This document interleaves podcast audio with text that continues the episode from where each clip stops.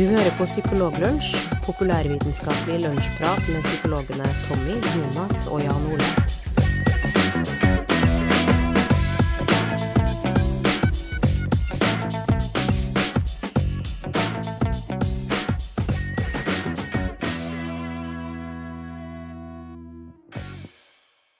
God dag og velkommen tilbake til en ny episode med Psykologlunsj. Mitt navn er Tommy Mangerud, og med meg som alltid så har jeg Jonas Våg og Jan Ole Hesselberg. Eh, I tillegg så har vi i dag en eh, gjest, og det er eh, Gunnar Tjomli. Velkommen, Gunnar, til Psykologlunsj. Tusen, tusen takk. Gunnar Tjomlid er, som eh, for de, mange av lytterne våre, sikkert et kjent navn. Han er eh, en av eh, Norges viktigste og beste bloggere som skriver på bloggen Saksynt. Er forfatter, har skrevet boka 'Placebo-defekten' og farter litt rundt i landet og holder foredrag. Eh, Og det aller, aller siste eh, krumspringet som vi har eh, fått fra han, er at han har rett og slett starta med sin egen podkast, hvor han hvor du leser inn gamle eller blogginnlegg som du har skrevet og gjort om til lydformat. Noe som jeg må si er særdeles vellykka. Du har en utrolig behagelig stemme, Gunnar. Takk. Det som, det som selger den podkasten, er visstnok at de sier 'åkke'. Folk blir så Ja, fascinert. sant? Det ordet 'åkke' det er liksom catchy, visstnok. Det er veldig, det er veldig flott. Uh, men du, Gunnar, aller, aller først. Jeg, jeg tenkte jeg skulle spørre deg om en liten ting. Um, jeg har en baby i huset, og på torsdag så, så var vi på helsestasjonen, og der fikk min kjære baby en eh, vaksine, en sprøyte. Eh, og den eh, sprøyta gjorde veldig vondt, fordi eh, den babyen gråt og gråt og gråt veldig mye. Og så fikk babyen feber etterpå, og var utilpass. Og, og etter det så har, har egentlig ikke den babyen vært noe sånn særlig form, altså. Eh, og det, det, det skal visstnok likevel være bra da, å drive og gi barn sånne vaksiner, selv om det er jo ganske åpenbart at det er ganske mye ubehag knytta til det her. Jeg syns det var litt sånn ekkelt, nesten. jeg. Eh, Hva, hva er det? Er, jeg rar som syns at det på en måte er litt sånn ekkelt å se det barnet gråte? Nei, det er vel en naturlig reaksjon. Um, jeg kan egentlig, jeg har jo sjøl ei datter, og jeg kan ikke huske at hun egentlig reagerte så veldig på vaksinene. Verken med noe gråt eller Det var sikkert litt, men det var ikke noe, det var liksom bare akkurat der og da, i så fall. Så det varierer nok litt. Det er nok litt pysete, den ungen din, regner jeg med. Det, det kan være det, altså. Det er noen, eh, det er noen genetiske greier ute og går der, tror jeg. Men litt av greia her er jo det at det, For jeg kjenner jo veldig på den litt sånn emosjonelle greia, da. At eh, selv om jeg vet at eh, jeg synes det er veldig ok at barnet får en vaksine, da. Så, så det For hva? Det, det er jo Nå i det siste så har det vært mye skriveri i, dagspressen også rundt det her med vaksiner. Det er noen som sier at det er ikke bra, eller at man oppfordrer ikke eh, Man syns ikke at barn skal ta det. Og der har du jo vært en ganske sånn tydelig stemme som eh, en forkjemper for vitenskap og alt det der. Og så er jo, sitter jo vi tre kanskje her da, som er ofte liksom funderer litt på hvorfor gjør folk eh, de valgene de gjør, og hvorfor lar folk seg styre av følelser og ikke, ikke fakta, da. Og vaksiner er jo kanskje en sånn kroneksempel på hvor jeg vet ikke om man kan si at frykt er en sånn viktig motivasjonsfaktor oppi det hele, eller hva- det nå enn er. Men i hvert fall det også liksom eh, Alt som er av eh, skumle ting som kan skje når man kan ta en vaksine, visstnok, skremmer jo en del folk. Ja, det er jo for så vidt lett forståelig, men, og det faller jo selvfølgelig rett inn i det som dere er interessert i. Det er forskjellen på Altså, hvis vi ser på risikoen, og det har jeg jo blogget om, så er det klart det er en liten risiko knytta til enhver vaksine. Det er det jo til alle legemidler og alle former for behandling. Men den er alltid mye, mye mindre enn den risikoen barnet får ved å ikke vaksinere seg. Men det er jo der psykologien spiller inn, da, som sikkert dere kan mye om. Dette med at det, det føles jo mye verre å foreta et valg som kan påføre barnet en skade, selv om den er liten. Det føles mye verre enn å på en måte passivt bare akseptere at barnet kanskje kan ha en høyere risiko for en form for sykdom med, med komplikasjoner og i verste fall døden, selvfølgelig. Når det på en måte ikke er så direkte knytta sammen med ditt eget valg der og da, og det sammenfaller ikke så i tid. Så For meg er det jo fryktelig rart, f.eks. HPV-vaksinen, som er en av de nyeste vaksinene i barnevaksinasjonsprogrammet, som jenter i Norge får når de er rundt tolv år gamle. Mm. Den beskytter jo mot livmorhalskreft, blant annet. Og vi vet, vi har jo relativt gode data i dag som tyder på at den absolutt virker. Men nå tar jo den kreftformen 10-15-20 år for å utvikle seg, så det vil fortsatt være noen år før vi ser en reell nedgang i antall krefttilfeller. Men vi ser jo allerede at den gir beskyttelse mot dette HPV-viruset, eller de variantene av viruset som fører til de fleste krefttilfellene. Og, vi, og det er jo sett i Australia, for eksempel, der de har vaksinert kvinner helt opp til 26 år, eh, en del lenger enn Og de starta tidligere enn i Norge. Så har de allerede sett en nedgang i forstadier til livmorhalskreft, altså sånne celleforandringer. Så det er mye som tyder på at den virker. I Norge så er det vel 0,2% av kvinner vil dø av livmorhalskreft før de er 75 år. Eh, men det er klart, det er jo et langt tidsspenn. Det er vanskelig kanskje for foreldre å tenke fordi du hører jo mye skrekkhistorier om HPV-vaksinen, selv om det faktisk er en av de aller best testa vaksinene vi har. Og det er gjennomført store studier på over en million jenter som ser at nei, det er ingen uh, ukjente og alvorlige vaksineskader knytta til den vaksinen. Men allikevel så er det lett å forstå psykologien i at hvis du hører, mm. hører om disse her potensielle problemene, så føles det mye skumlere enn at dattera di kan få kreft om 50 år, liksom. Så det er noe med det tidsaspektet der. Og så er det jo dette, den psykologien òg med at, som en eller annen vismann sa, at eh, å tilbakevise bullshit eh, krever en innsats som er iallfall ti ganger høyere enn å komme med bullshit. Og det er nettopp det at det er så lett å så det der frø av frykt. Og når disse foreldrene leser i Mammaforum og, og leser på internett, og du ser de her anekdotene om at noen mener at dattera deres har blitt skada av HPV-vaksinen, f.eks. denne saken med Hans B-tallen nå nylig, eh, så er det klart at det er så et frø av frykt. Og det å tilbakevise den frykten krever jo helt enormt mye arbeid.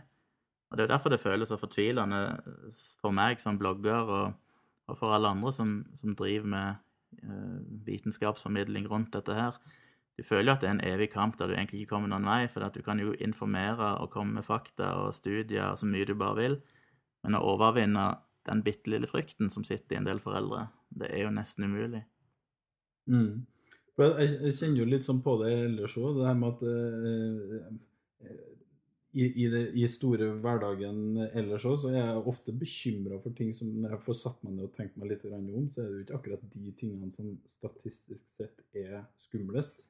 Når at den eh, rasjonelle delen av meg får uh, muligheten til å tenke seg litt om, så ender jeg jo stort sett opp med at prøv prøve å passe på å ha på setebelte på barna når de sitter i bilen, og ha på refleksvest når de er ute og går i mørket. Liksom. Det, det, er det som er mest sannsynlig kommer til å, å være skadelig.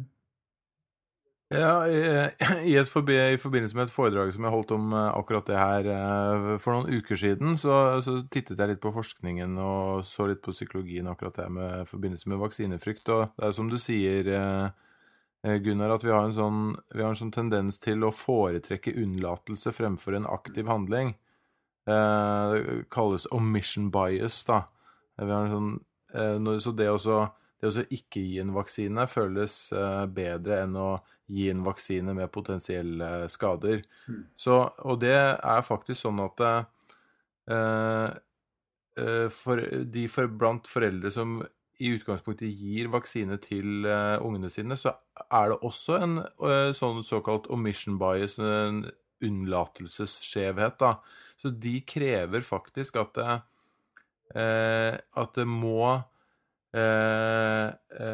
være gans, ganske stor fordel av å ta vaksinen i antall sparte liv før de kan akseptere å ta vaksinen, hvis dere skjønte hva jeg mente.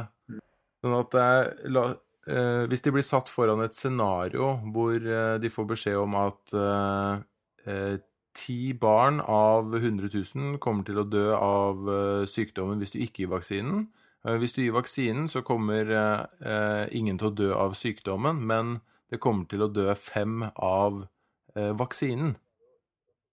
Så er det jo rasjonelt sett helt åpenbart at du bør velge å ta vaksinen, for det er halvparten som står dødsrisiko. Men likevel så er det selv blant foreldre som tar, gir vaksinen til ungene sine, eh, vil de tendere mot å ikke ta vaksinen i et sånt Mm. case.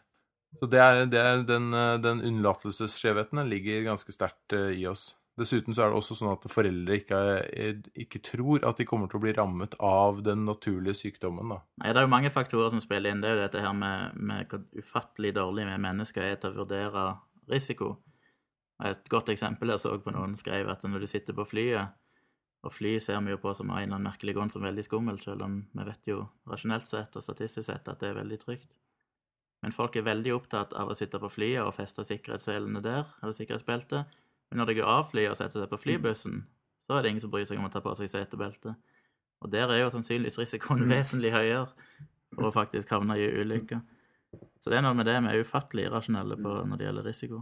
Apropos det med vaksine. Det, det er jo, jeg ser jo for meg at at- attribusjonsteori spiller jo litt inn i bildet. At, du, at hvis du gjør en handling som kan ha en potensielt eh, skadende effekt, da, sånn som i form av en bivirkning, eh, så er det verre å forholde seg til det enn at eh, skjebnen da, i hermetegn eh, bestemte at eh, ungen din eh, fikk en sykdom som ikke Mm. du kunne eh, innvirke på. Du, liksom- du etterrasjonaliserer din egen atferd, er din egen unnlatelse i form av eh, gamle konsepter sånn som skjebnen eller eller annet. Jeg vil tro det, altså. Mm. Um, men um, um, Og så er det jo selvfølgelig sånne eh, eksempler som Disneyland-greiene. Og det er jo at, eh, at du må liksom ha en, en annen frykt som, som, som dytter folk tilbake igjen til, til å på en måte ta de her eh, vaksinene. fordi at sånn som jeg har aldri skjedd, eh, skjedd eh, de sykdommene som de barna vaksineres mot. Sånn at eh, det er ganske fjernt, som vi er litt innpå. da. Men blir jo òg blinde for den risiko som er usynlig for oss. Og det, det spiller òg inn på veldig mange områder i livet, men jeg ser jo stadig vekk i de her debattene at når vi var små, så var, det jo, så var jo ikke meslinger farlig. Hvorfor er det plutselig blitt så farlig nå? Og så vet vi jo statistisk sett, hvis du ser på tallene, så, så døde det mellom fem og ti barn hvert eneste år av meslinger før vi begynte å vaksinere. Og i tillegg så var det mange hundre som fikk komplikasjoner. Det var tusenvis som ble lagt inn på sykehus. Og det så vi jo til og med i Disneyland-utbruddet, så var det faktisk en fjerdedel av de som ble smitta, endte jo faktisk opp på sykehus. Men vi så det jo ikke på den måten. I dag ser vi det fordi det kommer på forsida av avisene, og da ser det jo selvfølgelig farligere ut. Og det gjelder jo så ufattelig mye her i samfunnet med hvordan folk tror at det er mye mer drap nå ikke sant, enn det var når de var unge. Men det er jo vesentlig Mm. færre drap nå enn før. Men det er jo det vi i dag leser om det overalt. Mm. Så den måten vi blir utsatt for um, den informasjonen på, er ganske skummel, for vi har jo evolvert i ganske små grupper der det var rasjonelt for så vidt å forholde seg til Når du opplevde et eller annet som var skummelt, eller, så, så ble du redd det, og det er et naturlig instinkt, og det er sunt å ha den frykten. Men vi er jo ikke evolvert og forholder oss til en verden der vi plutselig får inn eh, bilder og tekst og informasjon fra hele verden med ting som nesten garantert aldri kommer til å være en realitet for oss som bor her i Norge. Og det vil òg skje så sjeldent at for de aller fleste så er det risikoen i praksis null. Men vi får en sånn overload av den informasjonen hele tida, og det trigger et eller annet i oss som gjør at vi blir redde. Og, ja, og det er egentlig en konsekvens, tror jeg, at vi rett og slett ikke har ikke evolvert, det er et dårlig norsk ord visstnok å si evolvert, men utvikler oss eh, til å håndtere den informasjonen. Og det fucker totalt opp måten vi vurderer risiko på, for vi klarer ikke å skille mellom reell risiko og perifer risiko. Og, og da, da kommer du litt sånn innpå noe som du hadde skrevet et innlegg om for ikke så veldig lenge siden. fordi man skulle kanskje tro at fornuft og kunnskap og informasjon er tilstrekkelig for at folk skal gjøre gode valg. Eh, Men det er jo ikke alltid sånn, for du, du skrev litt et innlegg som gikk noe sånt som på at eh, er det egentlig så lurt å drive og hoppe og skrive om, eh, om f.eks. det her med vaksiner? Altså vil, det på en måte, vil man kunne greie å omvende folk ved å bare ved å hoppe, sette fokus på det? Hva er dine tanker om det? Nei, det er jo litt fortvilende, for uh, altså, det er jo studier som er gjort som tyder på at, at det å gi faktainformasjon og gode argumenter til folk som allerede har en overbevisning, egentlig bare gjør at de blir enda mer overbevist om at de har rett, altså i strid med den informasjonen de får. Men forhåpentligvis, og det som de studiene vil vise, er vel at det gjelder egentlig bare de mest overbeviste. Det fins jo likevel et ganske stort spekter på midten, sånne gjerdesittere som jeg tror det går an å nå ut til. Og Det er jo det vi kanskje ofte glemmer i den debatten, og blir litt blind for at sant, når jeg diskuterer med vaksinemotstandere hele tida, enten det er i sosiale medier eller i kommentarfeltet til bloggen min, så får en jo fort inntrykk av at verden er stokk full av disse her folkene, og det er livsfarlig å bevege seg ute. Men de siste tallene og undersøkelsen som ble gjort, viste vel at det var bare 4% av den norske befolkning som mente at det ikke var fornuftig å gi og vaksinere ungene sine. Mm. Så de er jo et mindretall, og vi sitter egentlig litt på hver side. Du har noen prosenter på den ene ytterkanten, som er liksom det jeg vil kalle vitenskapsfornektere. Og så har du en engasjert gruppe med skeptikere som er på den andre sida, men som òg utgjør en ganske liten prosent. Og så på midten, altså 90% kanskje, er folk som egentlig ikke har tenkt så veldig mye over det, og ikke har noen sterke meninger. Og de kan en nok absolutt nå ut til, tror jeg, og det må en jo bare fortsette å jobbe med. Jeg har tenkt litt på om det, det, om det er uh, hensiktsmessig. da, For siden vaksinedekningen i Norge sånn, i all hovedsak er uh, ganske stabil, uh, stabilt god, da. og også fordi holdningene er ganske positive til vaksiner nå. Så det Jeg har bare lurt på det, bare for å være litt djevelens advokat, da, om, om det er sånn at når man, når man fremhever eh, diskusjonen og uenigheten om dette, eh, så får folk et eh, litt sånn skjevt bilde av hva som egentlig er status. Eh, hva som egentlig er det vi vet. Og det har også undersøkelser vist tidligere at, at når, man, når man fremhever konflikt, sånn som det ofte gjøres i klimadebatten, eh, så blir, eh, så blir selv de som er enige i det riktige standpunktet, blir eh, mer kritiske til eh, det vitenskapelige ståstedet.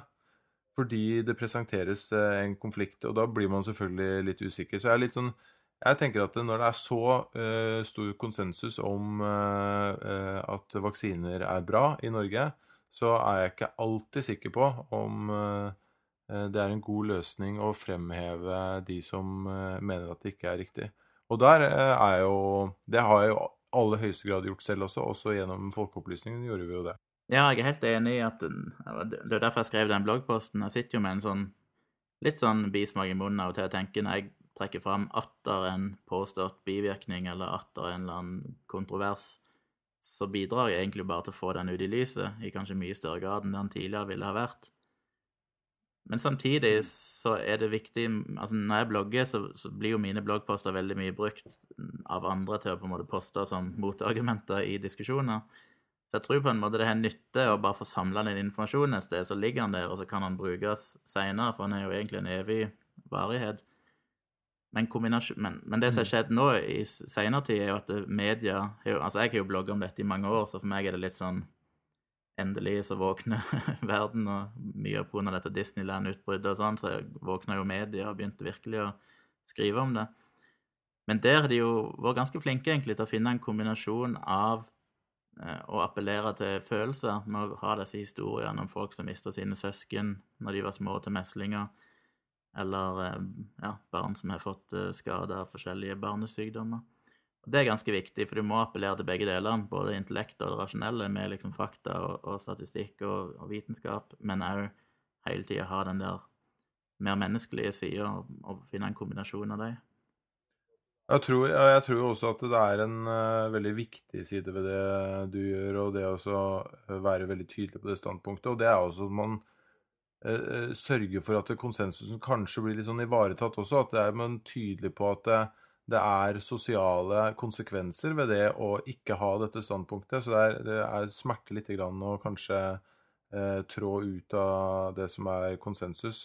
Og, og de, som, de, som, har tatt standpunktet mot, har jo gjennomgående eh, blitt eh, presentert som personer som tar dårlige valg.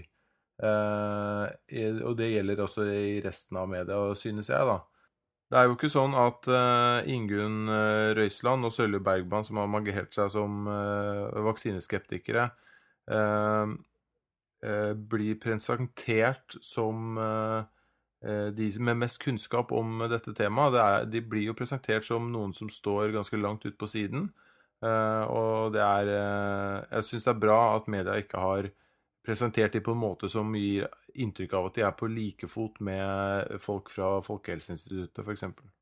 Mm. Men det er ett poeng som jeg òg har blitt uh, møtt med en del ganger, og det er jo vaksinekritikere eller vaksineskeptikere, eller hva du skal kalle dem, vaksinemotstandere, vil jo veldig ofte si at de, de, ikke, de blir ikke gitt nok informasjon om bivirkningene eller risikoen ved vaksine. Det er liksom et av de store argumentene. at Hvis, hvis bare Folkehelseinstituttet og myndighetene hadde vært mer åpne om farene ved vaksinering, så hadde alt vært mye bedre, for da mener de at foreldre kunne tatt et bedre informert valg. Men for meg så er jo det helt absurd, for det, det, da må de på en måte dikte opp en risiko som ikke egentlig er der. For den risikoen som finnes, den er for det første ganske tydelig kommunisert, hvis en går inn og faktisk leser det som står på nettsidene til Folkehelseinstituttet og andre. Men vi, vi, forventer jo ikke den type risikovurdering med alt annet. Ja, det er en risiko, men den er så liten at han er tilnærmet lik null. Og nesten alt du gjør i livet ditt, enten det er å ta deg et bad eller spise et eple, har høyere risiko. Det er flere folk som dør av kvelning ikke sant, eller drukning eller hva som helst. Men du går ikke rundt og informerer om at hvis du skal ta deg et bad, så må du være klar over at én av så og så mange vil ta skade av det, og derfor må du tenke deg nøye om. Og Folk har vært kritiske til at de mener at jeg er for bastant i å på en måte fremme et syn om at vaksine er risikofritt. Selv om jeg alltid har påpekt den faktiske risikoen, men når du påpeker den faktiske risikoen, så er egentlig konklusjonen at det er risikofritt etter alle praktiske standarder. Så, det, så jeg blir litt Jeg skjønner poenget. ja, En skal selvfølgelig ikke benekte at det er en risiko, men når risikoen er så liten, så er jeg litt usikker på om vi egentlig tjener noen store hensikt å være så veldig tydelig på den bitte lille risikoen som er. For det får du bare til å høres verre ut enn det er. Og hvis du sammenligner som sagt med fryktelig mye annet i hverdagen din, så, så gjør vi ikke det med alt det andre du gjør som har større risiko. Jeg tror mye av problemet er, er at øh, menneskehjernen i altfor liten grad klarer å skille mellom øh, mikroskopisk risiko og moderat risiko. Uh, vi vet at det spranget fra 0% altså ingen fare i det hele tatt, til én eh, av én million er kjempestort oppi hodet vårt. Uh, selv om det én av én million i praksis betyr ingen fare i det hele tatt. Uh, så, så, med en gang folk hører om at det finnes bivirkninger, og at de mm. blir holdt skjult, i anførselstegn, så skaper det voldsomme reaksjoner. Så jeg tror nok det er noe man må At folk kommer til å kreve den informasjonen, det tror jeg at man må leve med. Selv om det kan være et urimelig krav, da. Eh, et aspekt med det å, det å gå ut og eh, mot, komme med motargumenter mot eh, vaksineskeptikere, er jo, at, er jo at folk i dag søker informasjon gjennom å google. Eh, og, og det, er ikke, det, er ikke, en stor kritisk eh, forsamling som bruker internett. Det, det, er personer som gjerne går inn på det første valget sitt eh, på treffet, og så er liksom informasjonen man man leser, er litt uh, gitt av hvem er det som har flest lesere, eller hvem er det som har flest treff. Uh, og der er, er, jo du langt opp, uh, Gunnar, og det, det, er jo et bra, et bra element for de 90% som er litt sånn ubestemmelige, som er litt sånn bøyelige til å, til å ta til seg argumenter fra begge sider. Så, så det handler jo litt om hvem har eierskap informasjon. Og det er jo viktig at, at eh, når vi har et sånt medium som, eh, som internettet, så, så, er vi nødt til å, til å ha, ha, nok informasjon ut der på, for, å, for personer går ikke nødvendigvis inn på Helsedirektoratet sine sider og leser vaksiner. Ja, En av eh, ulempene selvfølgelig med at bloggen min har blitt mye kjent, og at navnet mitt har liksom blitt kjent som skeptiker, er jo at i de debattene så er det jo en større og større eh, trend at hvis noen poster en link til en av mine bloggposter, så er det bare ja, den der Tjomli, det gidder vi ikke lese, for vi vet hva han står for. Så sånn sett, så når, når det kanskje Når det kanskje gjennom bedre før folk assosierte meg med en spesiell side av saken. Mens i dag så har jeg fått en litt for sterk profil i én retning, ikke sant, og da er det veldig lett å bare avfeie alt hvis jeg kommer fra bloggen min. Og det er jo litt synd. Jeg tror igjen det er litt sånn eh, eh, at det er nok, en, det, er nok to ulike grupper, tror jeg. Altså, kanskje hvor, hvor personer som, eh, som da ofte har kanskje motsatt standpunkt enn det du har, eh, tenker litt sånn. fordi at eh, eh, Du nevnte jo det her å google i stad, Jonas. Det, det, er jo, det er ikke bare én gang, det er ganske ofte jeg har hørt om folk som liksom omtaler navnet ditt som et verb. Eh, at, har, du, har du tjomlidd av det omtrent? Altså det, det er noe med det at eh, har, du har fått et veldig sånn velfortjent plass som en bra kilde å gå til. da.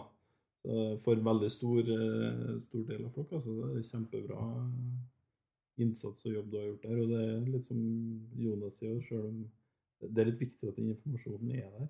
Det tror jeg.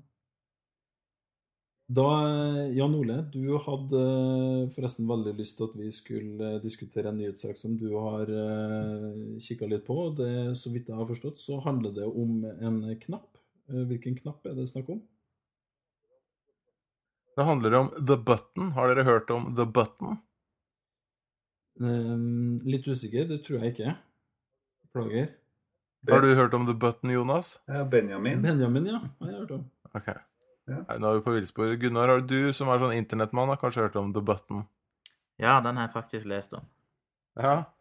Det er sånn at uh, på uh, dette eh, nettsamfunnet Reddit så uh, eh, kan man gå inn på adressen eh, Kan man søke etter The Button, og der ligger det en knapp med en teller ved siden av som teller ned fra 60 sekunder eh, og nedover.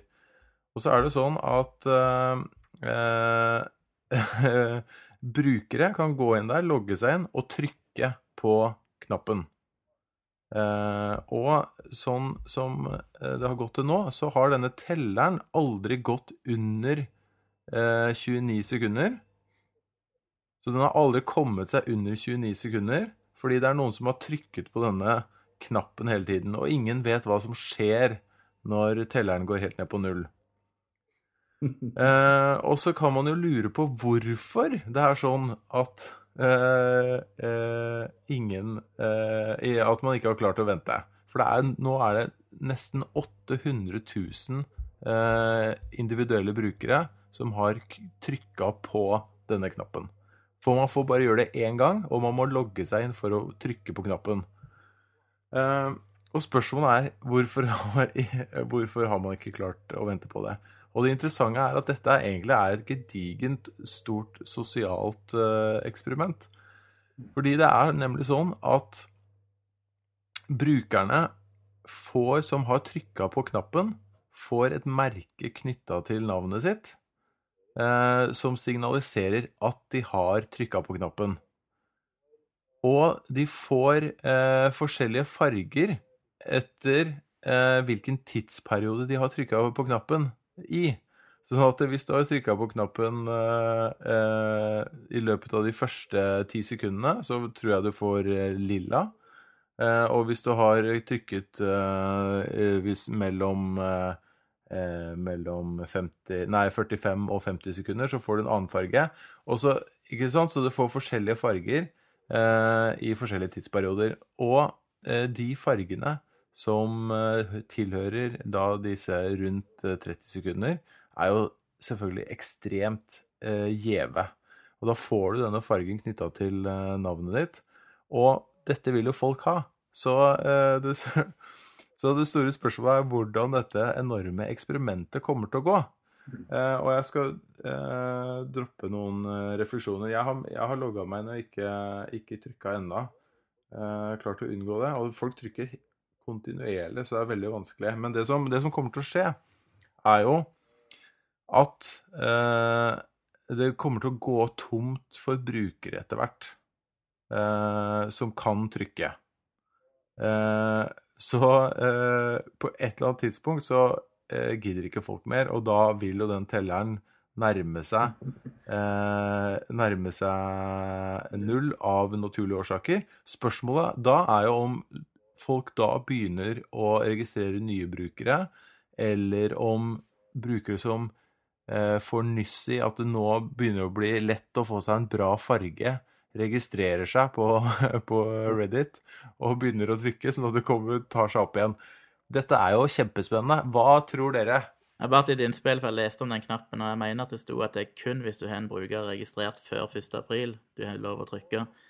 Å ja. ja. Ja, det kan godt være. Det kan godt være. Så derfor kan, derfor kan faktisk ikke folk registrere nye kontoer for å få uh... Men det som kan skje, det er jo at eh, de som eh, vet at de er Reddit-brukere, og som ikke bryr seg nå, begynner å bry seg når de får muligheten til å få de aller, aller gjeveste fargene når det begynner å gå skikkelig treigt, da. Jonas? Eh, Det minner jo litt om det Det er jo et nettsted hvor du kan spille spill sammen. Altså hvor alle, alle deltakerne spiller Pokémon-versjonen på Gameboy eh, sammen. Og der, er- der er det jo over 1000 brukere som eh, skriver kommandoer samtidig. Og det er ganske Ja. fascinerende å følge med på det spillet. altså Det er helt eh, fantastisk å se på det, det dårlige kollektive samarbeidet. Det blir vel logga så jeg så statistikk på dette hele veien, og det er ganske interessant. Og det som du sier, ikke sant, når, når tida er gått en stund òg, så vil det miste kanskje litt nyhetens interesse, og teorien da så vil færre trykke, og dermed så vil den counteren endelig få muligheten til å komme seg ned under 30, kanskje under 20, ikke sant. Men idet det skjer, så blir det plutselig populært igjen, for da har du plutselig muligheten til å få deg et lågt tall, og da vil det eksplodere igjen. Så du får en sånn dynamikk opp og ned, kanskje i en periode der det går i bølger. Det er jo veldig sånn eh, det, det, er- Her har vi noe for reklamefolk og, og sånne uh, behavioral economics-folk som er ute etter hva er det som greier å få folk til å vekke interesse. og sånn. Altså, det er en farge på brukernavnet ditt, det er det som skal til, liksom. Det, da går folk helt bananas. Ja, og det tenker jeg, det tenker jeg Dette her uh, illustrerer bare så utrolig lett eh, hvilken hang vi mennesker har til å eh, å etablere statussymboler som er, kan være fullstendig arbitrære, eh, eller til, helt tilfeldige. Så det kan, det kan være nesten hva som helst. Altså, ungene eh, har en datter i eh, barnehage nå, og der er jo liksom Det er steiner den store tingen. Eh, og det er, de driver og dealer med steiner. Og, så, og her er det bare Her er det en farge. Eh, det er alt som skal til for å lage et hierarki og, gi- og gi følelsen av eh, eh, mestring når du oppnår denne, denne fargen som noen, noen har bestemt, da. Har du tenkt å trykke, Jan Ole? Nei, altså det, går for, det er for dårlige farger, altså, rett og slett. Det er jo nå Skal vi se, nå er den nede på 47-46. Å, å, jeg trykka. Gjorde du det? Jeg trykka på 46. Ja. Nå blir jeg blå, ser det ut som. Eh, Det blir blå. Det er, det er en ganske dårlig farge, men det er det, er det beste jeg har sett uh, i dag, så jeg trykka. Veldig bra. Eh, jeg lurer på, sånn helt på tampen før vi, før vi runder av, så hadde jeg litt lyst til å spørre deg, Gunnar.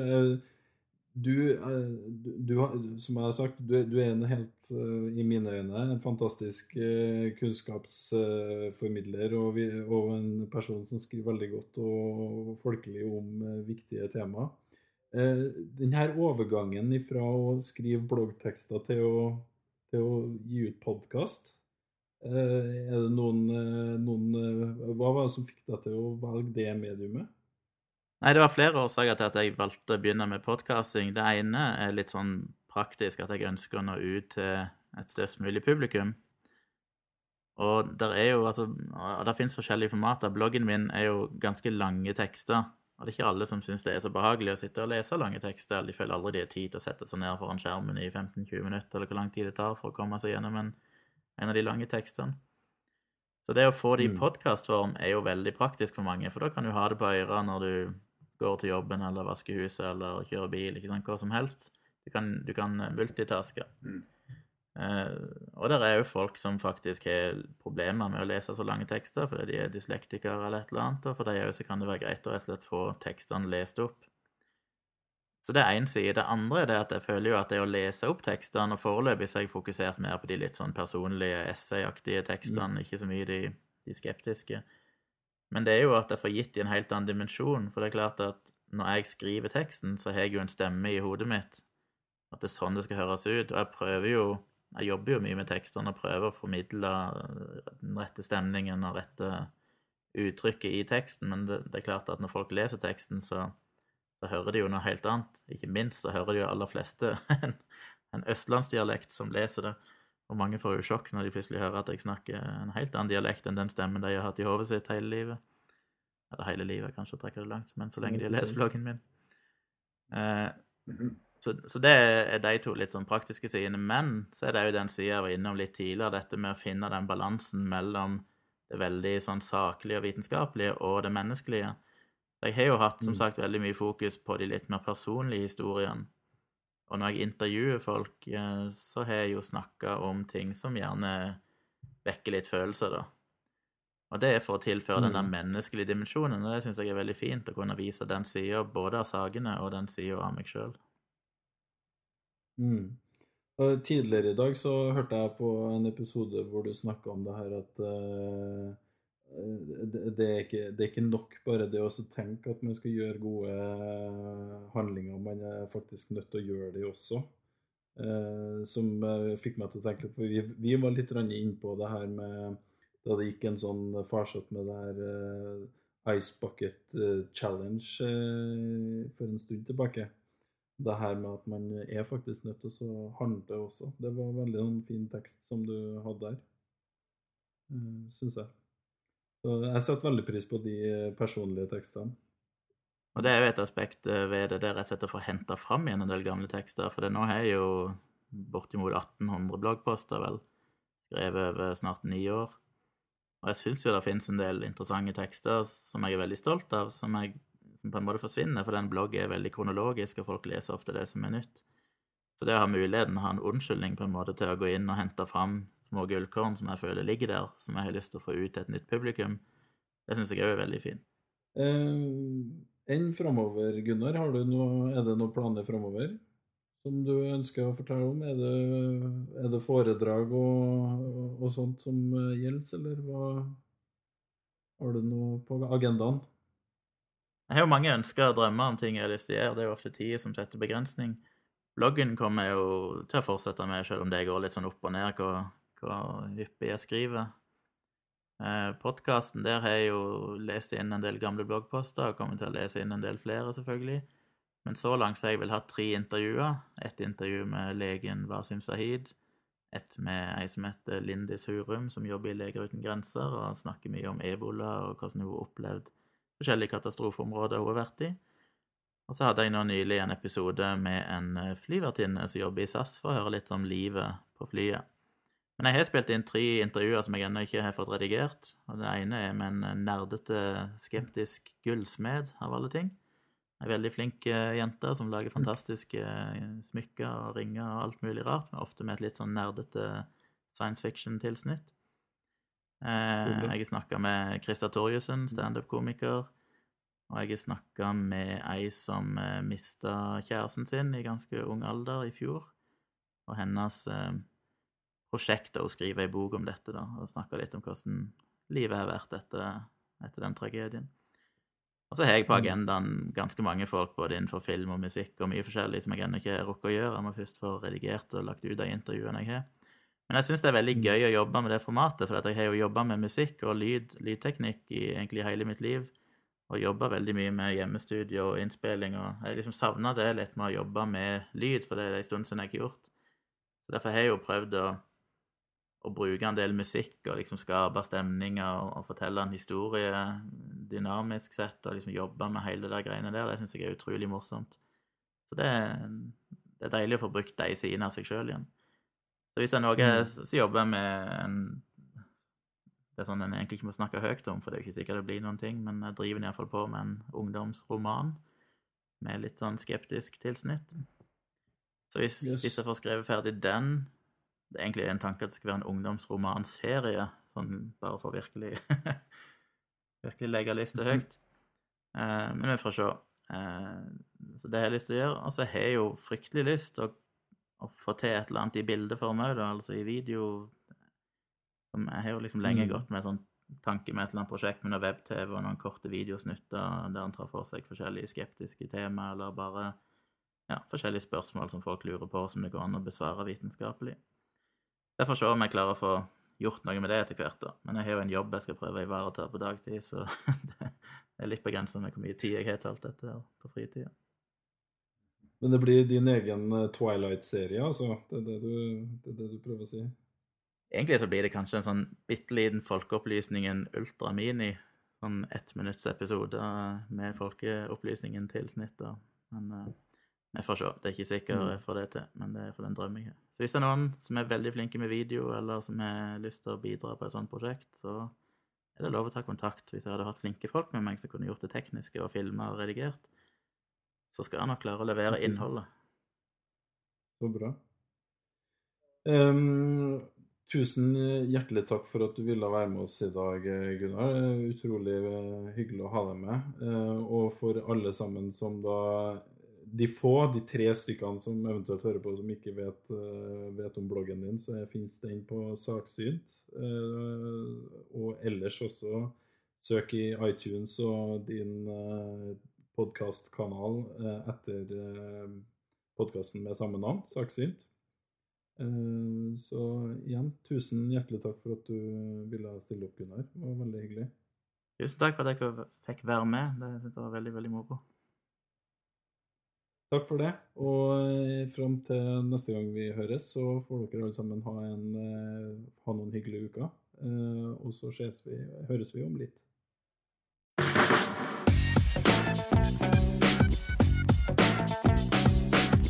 Du har nå lytta til Psykologlunsj. Har du noen spørsmål, kan du søke opp Psykologlunsj på Twitter, eller du kan sende en e-post til psykologlunsj alfakrøll gmail.com.